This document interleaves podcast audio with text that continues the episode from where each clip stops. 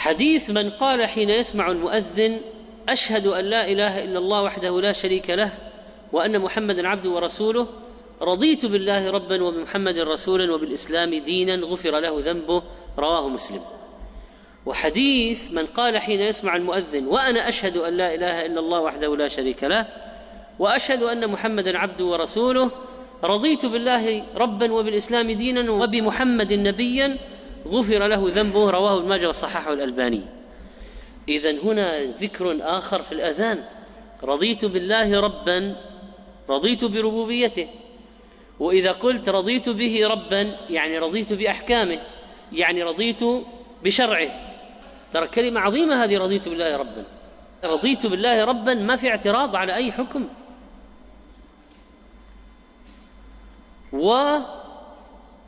ومحمد رسوله فما معنى الرضا بمحمد رسولا تصديقه فيما أخبر وطاعته فيما أمر والانتهاء عما نهى عنه وزجر وتقديم قوله على قول كل أحد وعدم الاعتراض عليه وتقبل سنته والعمل بها وبالإسلام دينا يعني يتبرأ من اليهودية والنصرانية والبوذية والمجوسية وكل الأديان الأخرى. وأنت خارج إلى الصلاة. ابن عباس روى لنا فيه حديثا. لما وصف تهجد النبي عليه الصلاة والسلام عندما بات عند خالته ميمونة قال فأذن المؤذن لصلاة الصبح. فخرج النبي صلى الله عليه وسلم إلى الصلاة وهو يقول اللهم اجعل في قلبي نورا وفي لساني نورا واجعل في سمعي نورا واجعل في بصري نورا. واجعل من خلفي نورا ومن أمامي نورا واجعل من فوقي نورا ومن تحتي نورا اللهم أعطني نورا اللهم اجعل في قلبي نورا ما معناه سأل النور في أعضائه وجهاته. نلاحظ الحديث هذا في قسمان أعضاء وجهات. مثلا قلب لسان سمع بصر والجهات خلف أمام فوق تحت أعضاء وجهات حتى لا يزيغ شيء منها عنه ويكتمل النور. وهذا الدعاء يقوله الذاهب إلى المسجد وهو في غاية المناسبة لأن النبي عليه الصلاة والسلام قال والصلاة نور. فلما كانت الصلاة نورا للمسلم في الدنيا والآخرة كان من المناسب وهو ذاهب إلى الصلاة أن يسأل الله أن يعطيه أكثر وأوفر ما يكون من النور وأن يضاعف له حظه منه وأن يشمل النور جسمه كله وأن يكون محيطا به من جميع جوانبه. فتأمل فضل هذا الذكر وعظمته. وإذا أراد أن يدخل في الصلاة الله أكبر. ليذكر نفسه بأن الله أكبر من كل كبير وأن كل ما سواه حقير. قال ابن القيم رحمه الله لما كان المصلي قد تخلى عن الشواغل وقطع جميع العلائق وتطهر وأخذ زينته وتهيأ للدخول على الله تعالى ومناجاته. شرع له أن يدخل عليه دخول العبيد على الملوك فيدخل بالتعظيم والإجلال بأبلغ لفظ يدل على هذا المعنى وهو قول الله أكبر. ففيه من التعظيم والتخصيص والإطلاق ما لا يوجد في غيره. ولذلك كان الصواب أن غيره لا يقوم مقامه. ولا يؤدي معناه ولا تنعقد به الصلاة. فلو قال الله أعلى الله أجل الله أعظم ما تنعقد الصلاة. إلا بقوله الله أكبر.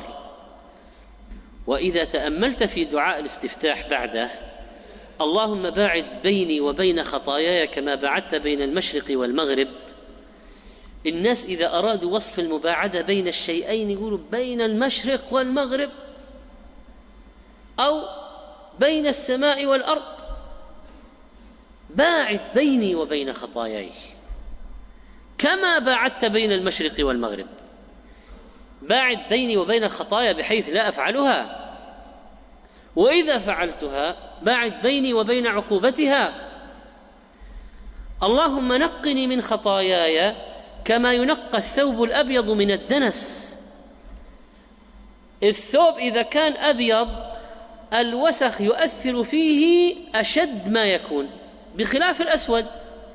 ولذلك قال كما ينقى الثوب الأبيض ما قال الثوب الأحمر والأخضر والأصفر والأسود؟ قال الثوب الأبيض من الدنس لأن البياض يؤثر فيه أدنى شيء. فإذا أسألك أن لا أفعل الخطايا. شوف هذا دعاء الاستفتاح الذي ربما يغيب عن كثير من الناس. معانيه لا أفعل الخطايا وإذا فعلتها نقني منها وأزل آثارها عني بالتطهير بالماء والثلج والبرد. ومعلوم أن الماء وحده مطهر لكن لما كانت الذنوب لها حرارة وحرق بالنار سال زوال الأثر بالثلج والبرد المعاكس لحرارة النار. فالوسخ يناسبه تنقية والحرارة يناسبها برد. فالماء فيه تنظيف والثلج والبرد فيهما التبريد. فتأمل قوله اللهم نقني من خطاياي بالماء والثلج والبرد. فالماء للتنظيف والثلج والبرد للتبريد. ولذلك سأل التنقية بهذه الثلاثة. ويقول عند الركوع سبحان ربي العظيم وهذه من الأذكار في ذاته وصفاته وتنزه ربك عما لا يليق به. ولا تقرأ القرآن في هذا الانحناء. لأنه لا يناسب بل يقرأ في حال القيام. وسمع الله لمن حمد استجاب وهو المحمود مع المحبة والتعظيم. وهذا وصف بالكمال. وكان النبي صلى الله عليه وسلم يحمد ربه وهو يعلم أن من الشعراء من يمدح شخصا ليتقي شره. وتقول اللهم ربنا لك الحمد ملء السماوات والأرض ومن ما شئت من شيء بعد أهل الثناء والمجد. وهكذا كما جاء في الألفاظ ما معنى أهل الثناء والمجد؟ يعني أنت يا الله أهل أن يثنى عليك وأن تمجد لعظيم صفاتك وكمال نعوتك. أحق ما قال العبد أحق ما قال العبد لما فيه من التفويض إلى الله والإذعان له والاعتراف بوحدانيته والتصريح بأنه لا حول ولا قوة إلا به والخير منه سبحانه وتعالى ولا مانع لما أعطيت ولا معطي لما منعت قبضا منعا بسطا خفضا رفعا عطاء ولا ينفع ذا الجد يعني صاحب الحظ والغنى والعظمة والسلطان فلا ينفعه حظه في الدنيا من مال ولد وسلطان ولا ينجيه من عذابك وإنما الذي ينفعه وينجيه عمله الصالح. وفي أخفض مكان يقول سبحان ربي الأعلى النزول فيه نقص. فلذلك تسبح ربك. مثل السفر تقول سبحان الله إذا الطائرة تهبط والطلوع فيه علو ولذلك تكبره الله أكبر يناسب هنا مثل إقلاع الطائرة. السجود الآن لما تنزل للسجود تقول في السجود سبحان ربي الأعلى وكذلك في الركوع في انحناء ونزول سبحان ربي العظيم وسبوح مبرأ من النقائص والشريك قدوس مطهر من كل ما لا يليق. رب الملائكة والروح الروح جبريل. هذا خاص بعد العام. وتأمل الجمع بين خيري الدنيا والآخرة في قوله بين السجدتين. اللهم اغفر لي وارحمني واجبرني واهدني وارزقني وعافني وارفعني. فتشمل من الدنيا الخير كله وكذلك الآخرة. وطلب الرزق مع طلب المغفرة مع طلب العافية مع طلب الجبر وما معنى اجبرني؟ يعني عوضني عن النقص. كل إنسان ناقص مفرط مسرف يحتاج إلى جبر ليعود سليما سواء كان النقص في الدين أو النقص في الدنيا. فلما تقول اجبرني عوضني عما نقص مني. في الدين أو في الدنيا والإنسان إذا نقص شيء في الدنيا تجده منزعجا متالما متحسرا. فإذا قال اجبرني عوضني عما نقص مني في موت ولد في حادث سيارة في احتراق كذا اجبرني.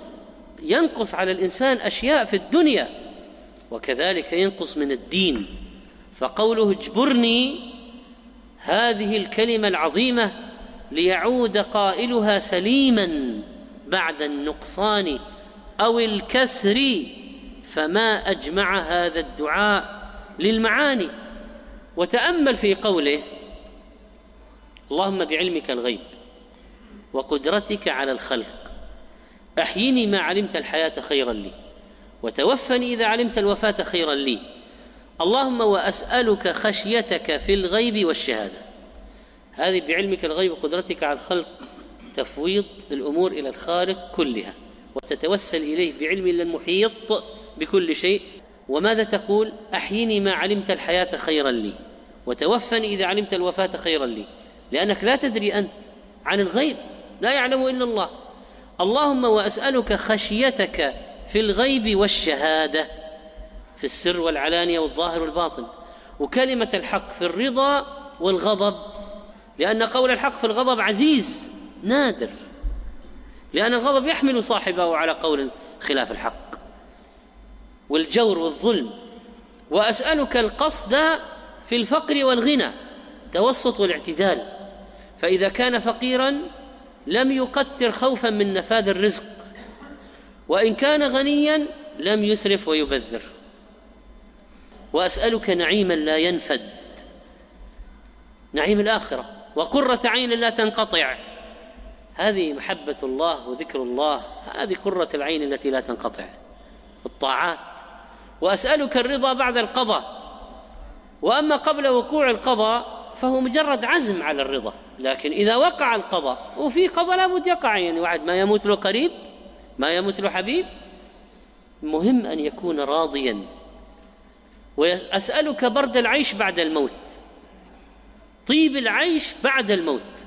ولذة النظر إلى وجهك والشوق إلى لقائك في غير ضراء مضرة ولا فتنة مضلة. اللهم زينا بزينة الإيمان واجعلنا هداة مهتدين. وإذا سلم في الصلاة يقول السلام عليكم. على الملائكة أو على من بجانبه. من المصلين أو عليهما جميعا. عليهما جميعا. السلام عليكم ورحمة الله. السلام عليكم ورحمة الله. عن يمين ملك وعن يسار ملك. وفي صلاة الجماعة عن يمين مصلي وعن يسار مصلي. فهو للجميع. ونختم هذا الدرس. موعدنا معكم مشيئة الله تعالى في الدرس القادم بمشيئة الله وصلى الله وسلم على نبينا محمد.